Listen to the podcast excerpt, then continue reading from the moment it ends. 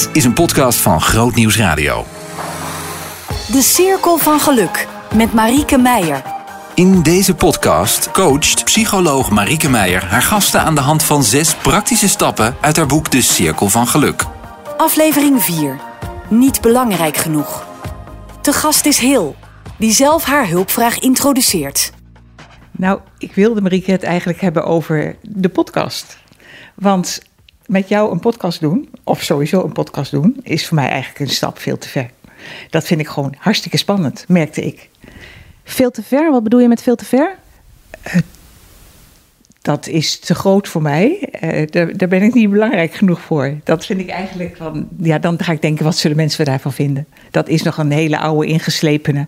Ja. Ik zeg elke dag van: ik ben niet wat ik heb, ik ben niet wat ik doe, ik ben niet wat mensen van me vinden, ik ben geliefd. Maar hij komt altijd weer boven. En bij zoiets, toch een beetje bijzonder, komt hij echt boven. Ja, dus het, het onderwerp is uh, eigenlijk iets doen waarvan jij vindt dat het te groot is voor je. Ja, te groot, te spannend. En ik hoef niet zo op te vallen. Dus ik ben liever op de achtergrond aanwezig. En dit vind ik een behoorlijk dat je uh, toch een beetje jezelf uh, in het voetlicht zet. Ja, en um, je, je, hele leven zeg je al. Uh, hoe lang is dat? Mijn hele leven. Ja, dat is echt heel lang al. Ik heb het vanuit huis, uit de opvoeding al, dat ik zeg van laat mij maar. Ik verstopte me graag. Ik was niet graag buitens huis. Ik ben veel als kind binnen geweest. Ik was als uh, tiener uh, ook min, niet, liever niet zichtbaar. En, en ben eigenlijk heel uh, verbaasd en verwonderd dat ik nu hier zit en ben wie ik ben. Dat is echt wel een wonder dat ik ben wie ik ben nu. Ja. En je hebt al heel wat levenservaring. Toch al minstens een jaar of zeventig? Ja, klopt. Ben 73. Ja. Ja, ja. en ja, op dit moment dat het me veel is, is ook wel omdat Henk, mijn partner, een half jaar geleden overleden is. En ik zelf uh, tweeënhalf jaar geleden uh, toch wel behoorlijk fysieke beperkingen gekregen heb door een, een operatie. Mm. En um, ja, dat is echt veel verlies. Maar dat verlies heeft er wel toegebracht dat ik me eindelijk zelf toestond om uh, goed voor mezelf te gaan zorgen. En dat is dus eigenlijk waarom het op dit moment toch mogelijk is om mee te doen. Ja, dat is echt een keuze. Mm. Uh, ik doe heel weinig op dit moment. Of ik, ja, in ieder geval heel anders dan vroeger. Ik uh, ben een beetje mijn leven opnieuw aan het uitvinden. Hoe geef ik het een beetje zin? Hoe is het fijn voor mezelf? Uh, hoe uh, pak ik het aan? En ik hoef heel erg weinig van mezelf. In ieder geval geen spannende dingen. Ja. En ja, en toen kwam jij met die vraag. En ja, er kwam bij dat ik, ja, ik probeer heel dicht bij God te leven. Moet ik weer heel dicht bij God leven? Want anders red ik het gewoon niet. En uh, dan vraag ik ook wel om de, om, om de zin van het leven, om wat uh, ja, bruikbaar te zijn. Uh, als ik het afmaak, wat ik net waar ik mee begon van Henry Nouwen, is van op mij vertrouwen en mijn liefde met de wereld delen. En ja, daar hoort dit dan een beetje bij, denk ik. Ja.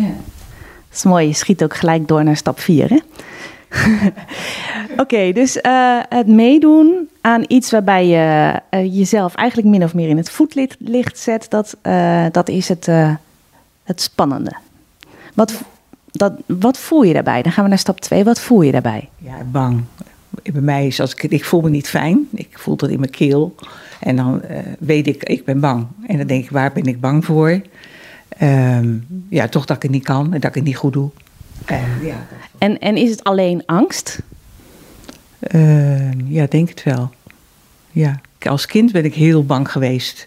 En eigenlijk mijn leven lang ben ik bang geweest, maar ik heb heel veel uh, angst overwonnen. Mm-hmm. En maar dat gevoel komt nog heel gauw naar boven. Ja. En dat voel je in je keel? Is, zijn er andere manieren? Was dat vroeger ook? Voelde je dat toen ook in je keel? Of zijn er nog andere manieren waarop je dat voelt? Ja, als ik echt heel bang was, dan in je hoofd word je dan helemaal draaierig. En uh, dat weet ik eigenlijk niet zo goed meer. Ik ben pas later gaan ontdekken dat ik eigenlijk zo bang kind was. Want ja, toen was ik gewoon mezelf en je was kind. En, en uh, ik ben halverwege de dertig berg burn-out geweest. Daar heb ik ook wel angst ervaren. Um, daarna, um, met dingen die eraan kwamen, dat het te veel was. Dan, dan voelde ik bang dat ik het niet kon, dat het te veel was. En wat, waaraan voelde je dan dat die grens overging? Uh, ja, toch de, ja, de angst. Ja, hoe voel je dat? Ehm, ik word heel moe. Ik word heel erg moe in mijn hoofd. Ja, dat is het eigenlijk. Ik word ontzettend moe in mijn hoofd. Het verlamt me. Ja, precies. Dus je voelt, voelt een bepaalde mate van verlamming in je lijf. In je hoofd, maar ook in de rest van je lijf dan? Eh, vooral in mijn hoofd. Ja? En ehm, dan weet ik ook, als ik bang ben, dan kan ik het ook niet meer. En, en dat maakt dan dat je uh, bang bent om dingen te gaan doen en dat het dan gewoon niet lukt. Een soort self-fulfilling prophecy eigenlijk. Ja, ja, ja. En weet je, de angst voor de angst had ik op een gegeven moment.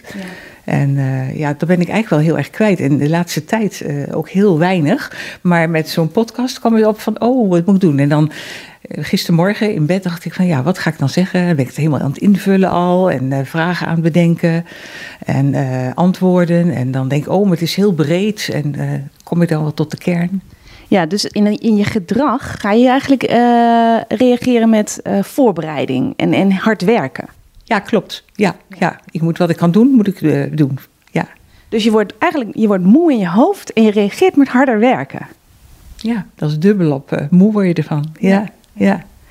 En um, nou ja, dan hebben we dus, dus het gevoel gehad en wat je gaat doen. vermijd je ook dingen uit angst? Niet veel meer. Nee, ik denk dat ik de meeste dingen aanga. Als ik zie hoe ik dat het laatste half jaar heb gedaan, waar ik toch dingen echt moest gaan doen die ik anders nooit deed, dan. Uh, maar ik moet heel goed kiezen. En als ik ervoor gekozen heb, uh, dan ga ik het doen. En dan voel ik ook een soort kracht dat ik het ga doen. Daar ga ik ervoor. Ja. Dus dan heb je een beslissing genomen, dan ga je eigenlijk uit die machteloosheid, uit die verlamming. Dan neem je een beslissing en dan komt er nieuwe energie terug. Ja, klopt. Ja, ja. En dat voel ik ook gebeuren. Dat ik als ik een keer gekozen heb dit ga doen, ook nu vanmorgen. Ik had vanmorgen dus geen last. Terwijl ik gistermorgen nog uh, uit, bed gegaan ben, omdat ik gewoon daarin rondmaalde. Ik denk uit bed, hoppakee. En uh, ja, dan ga ik naar mijn dakterras en dan daar kom ik tot rust. Ik woon hier heel fijn, een seniorencomplex. En met een dakterras, ik ben een buitenmens. Ik ga altijd met mijn broodje en mijn kopje koffie morgens naar buiten en ja, dan begin ik de dag altijd met: uh, Gezegend bent u, God van de wereld. Die de, die, ochtend, die de morgen ontbood en het licht hebt geroepen, zegen ook mij met uw licht.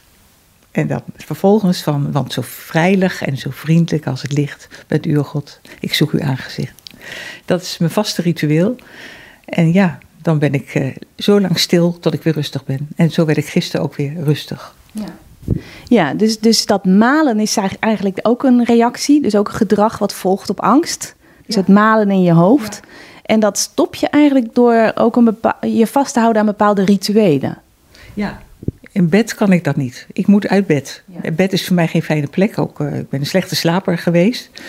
En, maar als ik uit bed ga en dan... Ja, ik heb rituelen ingevoerd. Ja, ja, ja.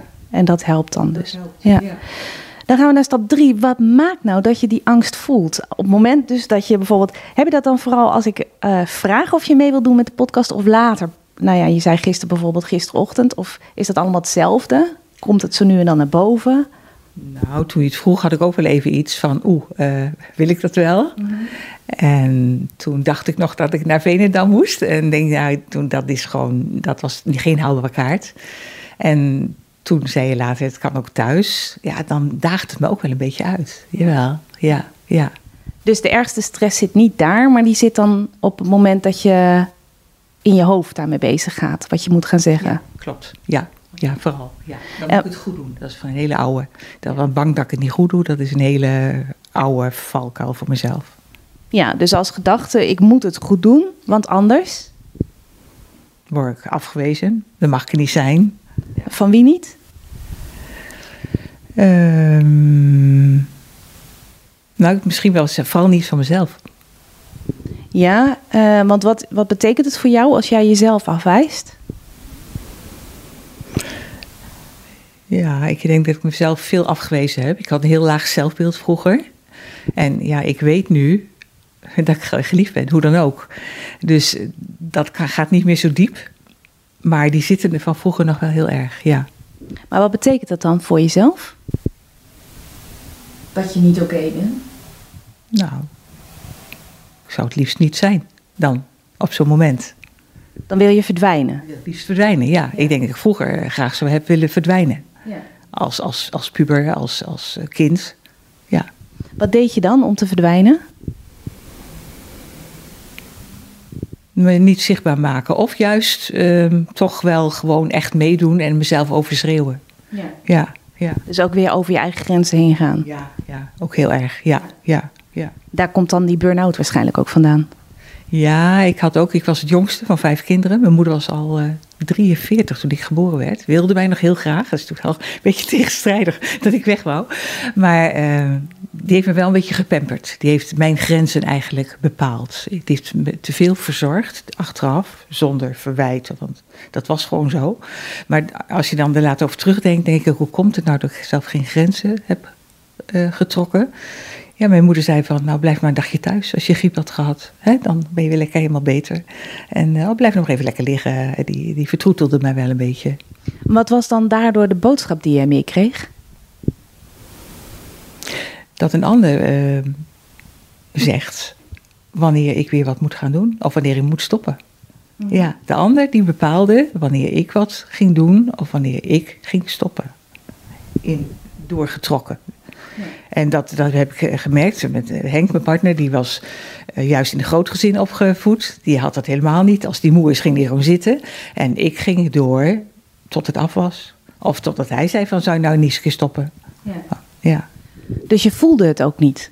Nee, ik heb het niet leren voelen. Nee. Nee, nee ik ging altijd maar door. Ja. ja. En wat betekent het nu voor jou om dan uh, wel uh, nou ja, om zichtbaar te worden. Want daar, gaat dan, daar komt dan de angst. Hè? Je bent gewend om dan eigenlijk uh, niets te bepalen. Dus dan ben je ook onzichtbaar, want je leeft eigenlijk door de ander heen. Die ander die leeft jouw leven, die bepaalt jouw grenzen. Dus op het moment dat jij zichtbaar wordt, dan, dan dat ken je niet. Dus dat is beangstigend. Ja. Wat gebeurt er dan? Uh, dat is natuurlijk een heel proces geweest, hè? Mm. Dat dat langzamerhand um, veranderde. En uh, ja, door bij de buitenwereld werd ik eigenlijk gewaardeerd.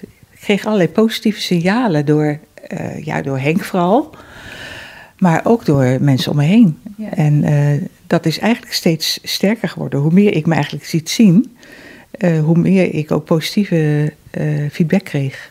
Heel dus, dus, ja, dus eigenlijk was het positief in plaats van negatief. Dus er was geen afwijzing, maar er was juist. Tot mijn grote verwondering uh, waren ze positief. Ja. Ja. ja, daar heb ik me echt over verbaasd. Ja. Uh, ik vond het ook heel bijzonder dat Henk mij wou. Ja. Ik dacht altijd dat een ander, dat hij een ander zag. En dat ik wel met hem optrok, maar niet dit. Nee, nee. nee. Heel bizar eigenlijk. Achteraf vind ik dat bizar en ook wel heel verdrietig.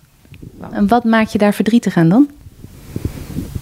Hmm. Nou, dat een groot deel van mijn leven is er wel door bepaald. Het heeft me. Uh, ja, waarom maak ik me verdrietig? Het is toch wel jammer dat je zo lang je vers, verstopt hebt. En um, ja, ik weet niet of dat. Uh, of ik dan meerwaarde gehad zou hebben als ik al eerder anders was geweest. Ja, dat je kunt niet terugdraaien. Hè? Het is zoals het is. En ik geloof ook wel in, in leiding van God erin. Uh, maar ik blijf het gewoon me verwonderen over van uh, wie ik was en wie ik geworden ben. En op wat voor manier, dan denk ik, dat is wel heel, heel erg bijzonder. Want ik heb nu best wel eigenwaarde. Maar dat komt wel doordat ik me geliefd weet. Dat zit daar zo aan verbonden. Ja, en toch, en toch uh, word je wel weer gestrest van als, als je dan weer wat meer in het voetlicht komt. Ja, maar dat kan ik dan wel, daar moet ik mee omgaan. Dat, dat moet ik dan bedenken van, oh ja, dit is dus die oude valkuil. En um, dan kan ik er ook voor kiezen om die weg te zetten. Ja. ja. Dan, dan toch, toch nog even terug naar dat verdriet, hè? Dat, dat uh, ja, het is jammer, zeg je. Maar, maar als je nou kijkt, ja, en je vertrouwt op Gods leiding. Maar ja, kennelijk heeft God het niet zo geleid dat jij het uh, grootste deel van je leven uh, genoeg waarde aan jezelf hechtte. Wat, wat betekent dat voor jou? Ja, ik ben er nog een beetje aan, naar aan het zoeken. Um, ik, van de week bedacht ik dat uh, uh, toen ik, uh, ik had een aandoening in mijn rug, waardoor ik behoorlijk fysiek beperkt ben geraakt. Maar dat wist ik niet, dat dat zoveel gevolgen zou hebben. En ik ben gewoon doorgegaan. Ik ben anderhalf jaar gewoon dom doorgegaan. En ik probeerde wel wat bij te, bij te sturen en iets minder te doen, maar niet genoeg om niet constant ontzettend moe te zijn. Dus ik ehm, durfde eigenlijk niet voor mezelf op te komen en zeggen van ja, maar dit doe ik gewoon niet meer, dit is te veel. En uh, toen ben ik in een revalidatietraject gekomen en uh, daar hebben ze me echt geholpen om te kijken, hé, hey, je bent veel te hard bezig. Ze hebben constant aan het temperen geweest. En precies tegelijk dat het revalidatietraject begon, werd bij Henk een tumor ontdekt en ging die in de molen van ziekenhuizen. Dat ging precies die zes weken tegelijk op en dat ging eerst allemaal goed. Toen is hij toch overleden, uh, eigenlijk onverwacht, na drie weken na de operatie. En uh, ik bedacht, daarna gunde ik me pas van, nu mag ik rustig aan doen. Maar ook wel erbij van, oh, nu zal niemand meer denken van, ze moet nog van alles. Want als je je partner verliest en je bent ook nog slechter been, nou ja, dan, dan hoef je even niks. Dus je had eigenlijk... Een... Verschrikkelijk. Ja. Dat vind ik echt verschrikkelijk. Ja. Want je had eigenlijk een excuus van buitenaf nodig om rustig aan te kunnen. Zo erg is me dat aangeleerd. Ja. Na 70 jaar nog steeds dus. Ja. Dat, toch, ja, dat vind ik heel verdrietig. Maar het heeft me ook natuurlijk heel veel gebracht. Want ik heb best heel veel werk verzet. Ik heb ook heel veel goede dingen, goede dingen gedaan in die periode. Ja. En dat krijg ik gewoon niet bij elkaar. Maar ik ben wel heel blij dat ik nu durf rust te nemen. En uh, dat, dat het goed is nu. Ja. Ja, het is grappig, want je zei net tussendoor even: ik ben zo dom geweest om anderhalf jaar lang door te lopen. Heel hard. Daar zit toch ook die afwijzing weer in, hè? Ja. Ja, ja dat, niet dat dat niet, dat niet zou mogen hoor. Dat... dat doe ik toch stiekem nog wel. Wel verzachtende vormen heb ik dan gevonden.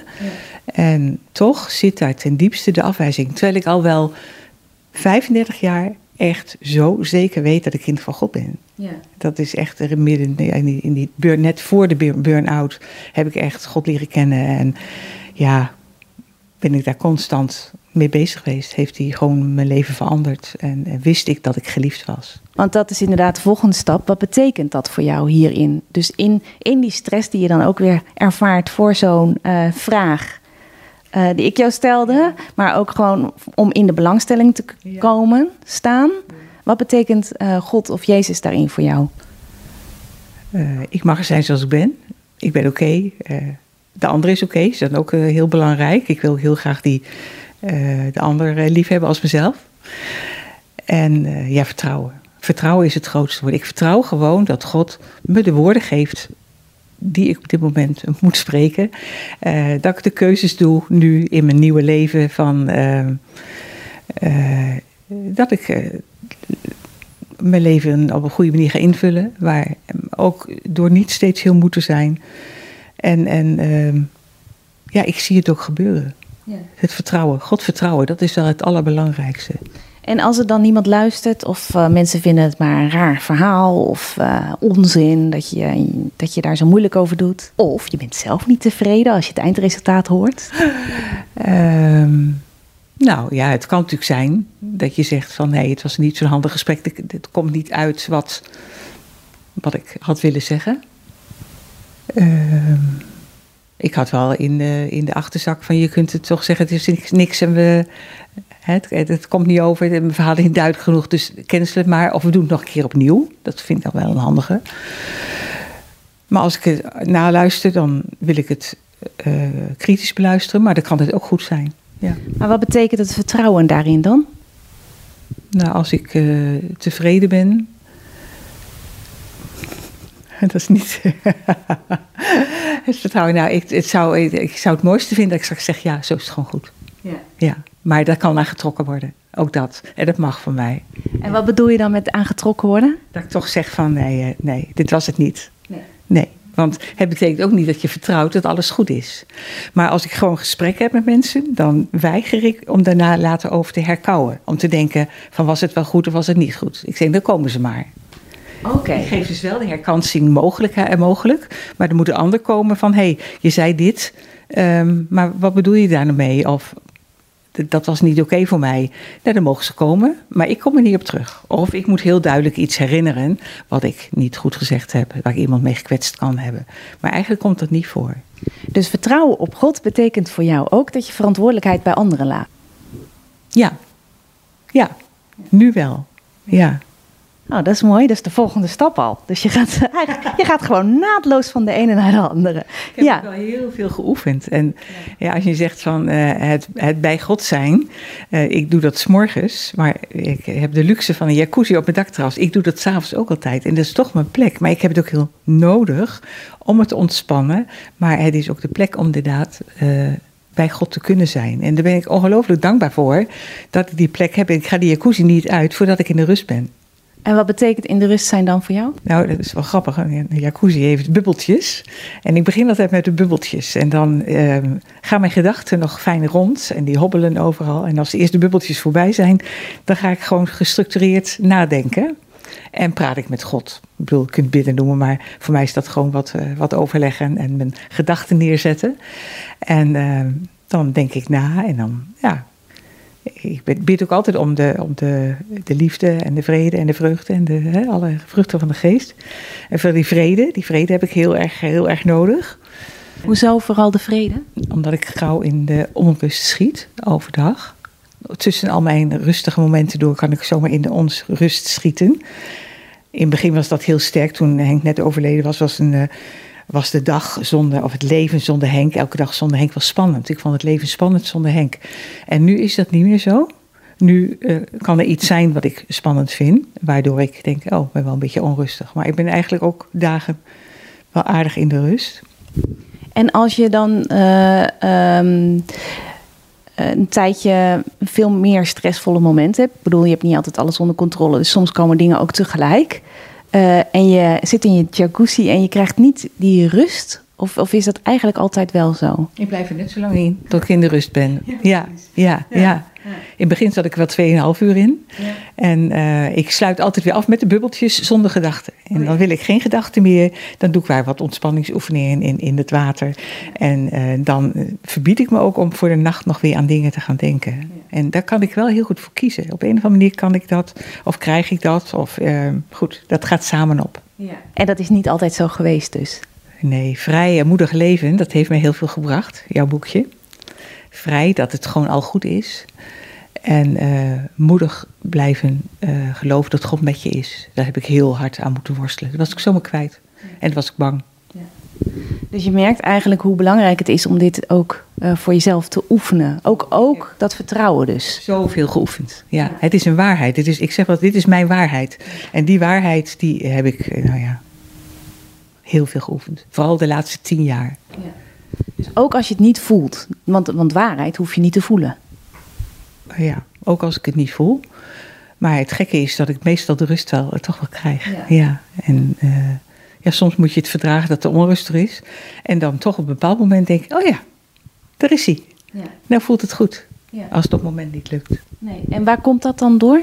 Ja, ik denk dat de geest in je werkt. Ja, precies. Ja, want het is niet te verklaren. Ik kan dat niet verklaren. Nee. nee. Je gebruikt dus ook wel ontspanningsoefeningen. Ja. Want dat zei je net ook even tussen neus en lippen ja, door. Dat is mijn middag. Uh, dat is mijn middagdut. Ja, ik moet dus oefeningen uh, doen vanwege mijn, uh, mijn benen. En die heb ik gevorige ingepast in een programma, een uh, mindfulness programma, met zo'n fijne stem die zo rustig uh, en zegt van uh, rek je lekker uit. En dat duurt drie kwartier. En ehm, daar zitten volgens de fysiotherapeut ook hele krachttrainingen bij. Dus die probeert ook mijn nieuwe oefeningen weer daarin in te passen. En dat is voor mij ook het rustmoment. Dus ik heb eigenlijk drie momenten op de dag waarin ik echt ontspannen ben. Ja. Dus je hebt ook wat dat betreft een ritme ingebouwd. ja, ja. ja heb ik heel nodig. En ik heb natuurlijk het luxe dat ik niks meer hoef. Hè? Ja. Ik heb iemand die mijn huis doet. Ik heb uh, mijn agenda leeg.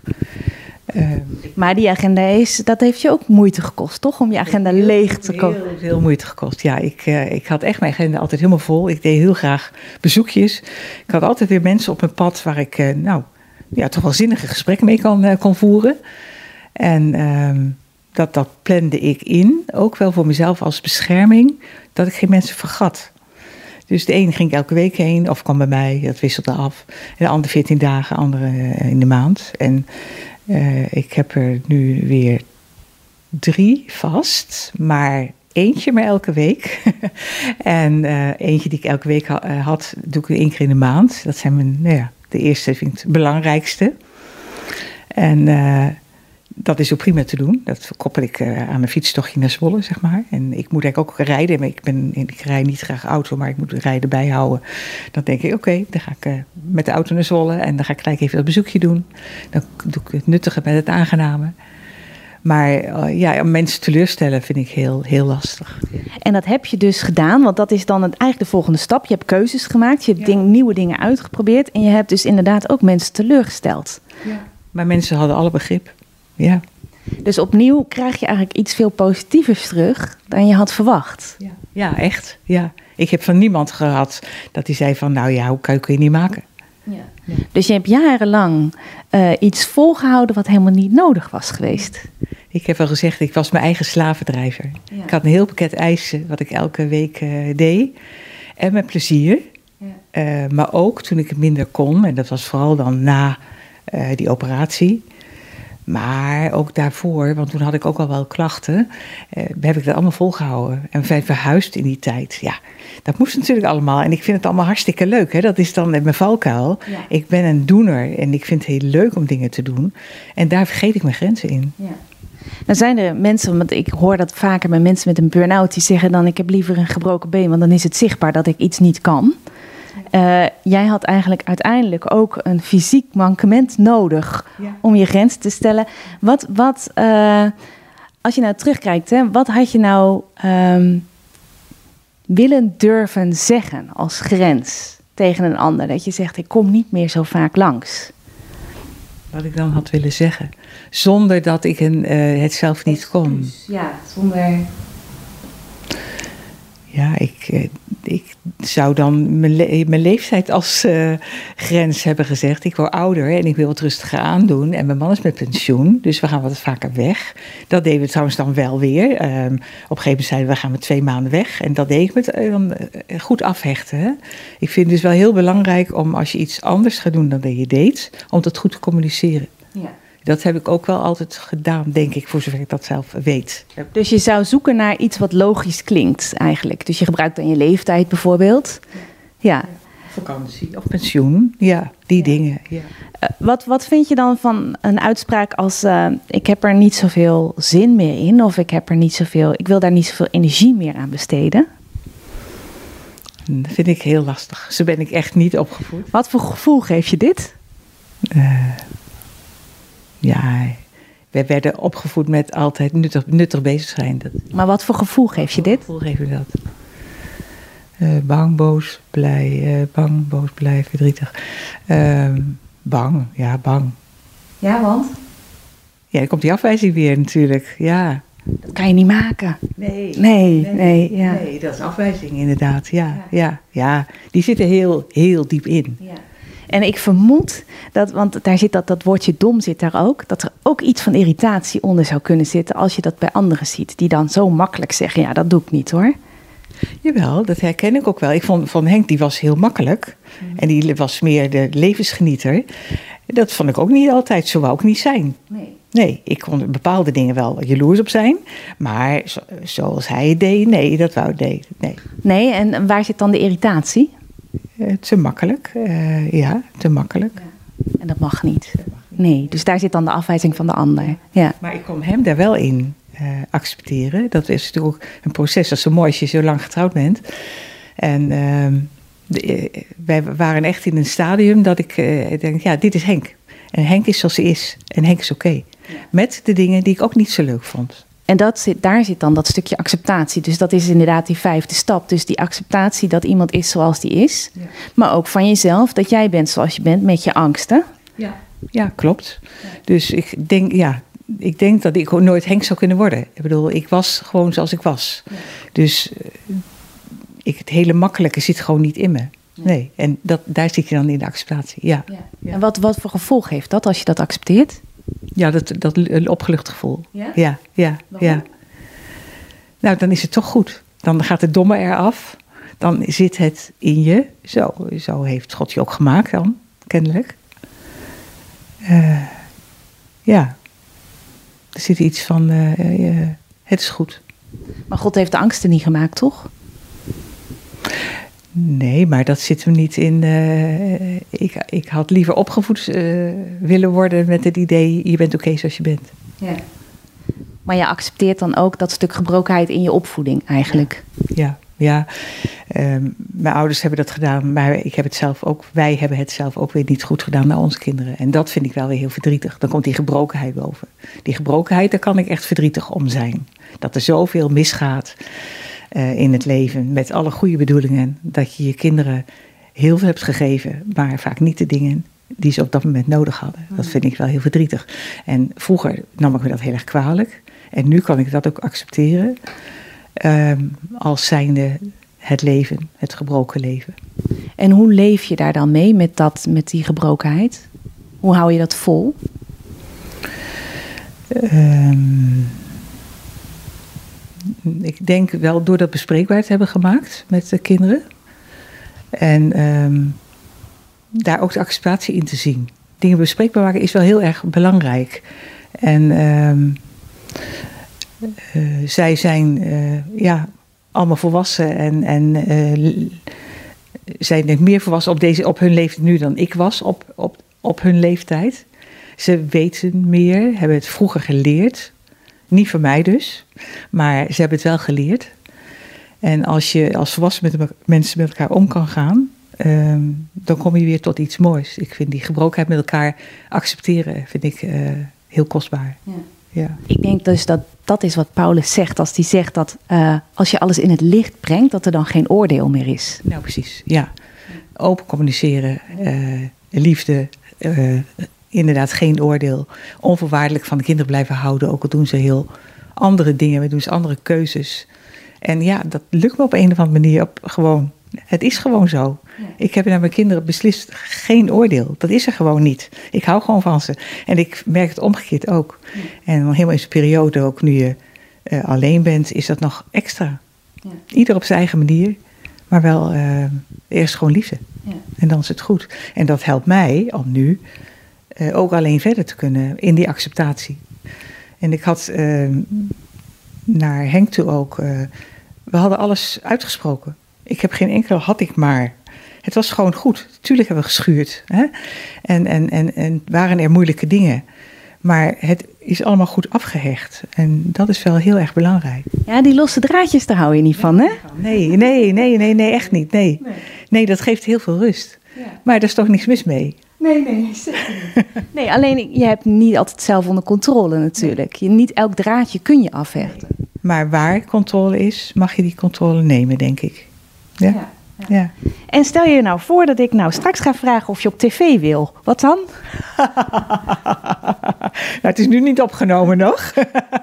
Daar ga ik over nadenken. Ja, ja. Dan ga ik eerst deze podcast afluisteren. Ja, ja, ja precies. Ja. Nou, ontzettend bedankt. Heel fijn dat je hier zo open over wilde praten. Wil je nog iets toevoegen? Nee, denk ik niet. Jij ook bedankt. Ik vind het wel heel bijzonder dat jij uh, dit met mij wilde doen. Je luistert naar de podcast De Cirkel van Geluk. Marieke reflecteert op het coachingsgesprek dat je zojuist hoorde. Heel. Wat opvalt bij Heel is dat ze haar angsten goed kan herkennen en benoemen. Ze is daar natuurlijk ook al jaren mee bezig geweest. Dit is niet iets wat je van vandaag op morgen eigen maakt. Pampering, te veel bescherming van een ouder, is voor ieder kind slecht voor het zelfvertrouwen en dus een bron van angst, dat is duidelijk. Daarnaast is heel opgegroeid in een gezin met sterke normen en waarden. Een van die waarden is dat je sociaal bent en dan vooral dat je er voor de ander bent. Stel dat ze was opgegroeid in een huis vol Einzelgangers, waarin iedereen het normaal vindt dat je je eigen gang gaat. Stel dat heel over zichzelf had leren denken als iemand die graag alleen is. Zou ze het terugtrekken of verstoppen dan ook nog als een gevolg van angst hebben omschreven en zou ze dan überhaupt nog gesproken hebben over verstoppen? Het is natuurlijk buitengewoon verdrietig vast te moeten stellen dat je niet hebt kunnen leven zoals je bent. In dit verdriet zit een stuk acceptatie en rouwverwerking. En wat je bij heel heel goed ziet, is de ruimte die in verdriet ontstaat voor nieuwe grenzen, nieuwe keuzes, nieuwe eigenheid. Wat betreft de losse eindjes, het is afhankelijk van je definitie van een los eindje of je hem als zodanig ervaart. Het is uiteraard lang niet altijd mogelijk een los eindje af te werken. Soms rest je niets anders dan accepteren dat er losse eindjes zijn. Dat is ook een vorm van afhechten. Net zoals iets bespreekbaar maken iets anders is als iets oplossen. Want de realiteit is toch vooral dat heel veel zaken niet op te lossen zijn. Dat we een manier zoeken om ermee te leven, dag voor dag. Dit was De Cirkel van Geluk. Kijk voor meer informatie over deze podcast en het boek van Marieke Meijer op grootnieuwsradio.nl slash cirkel van geluk. En abonneer je op deze podcast om nieuwe afleveringen direct te ontvangen. Of luister via de Grootnieuwsradio app.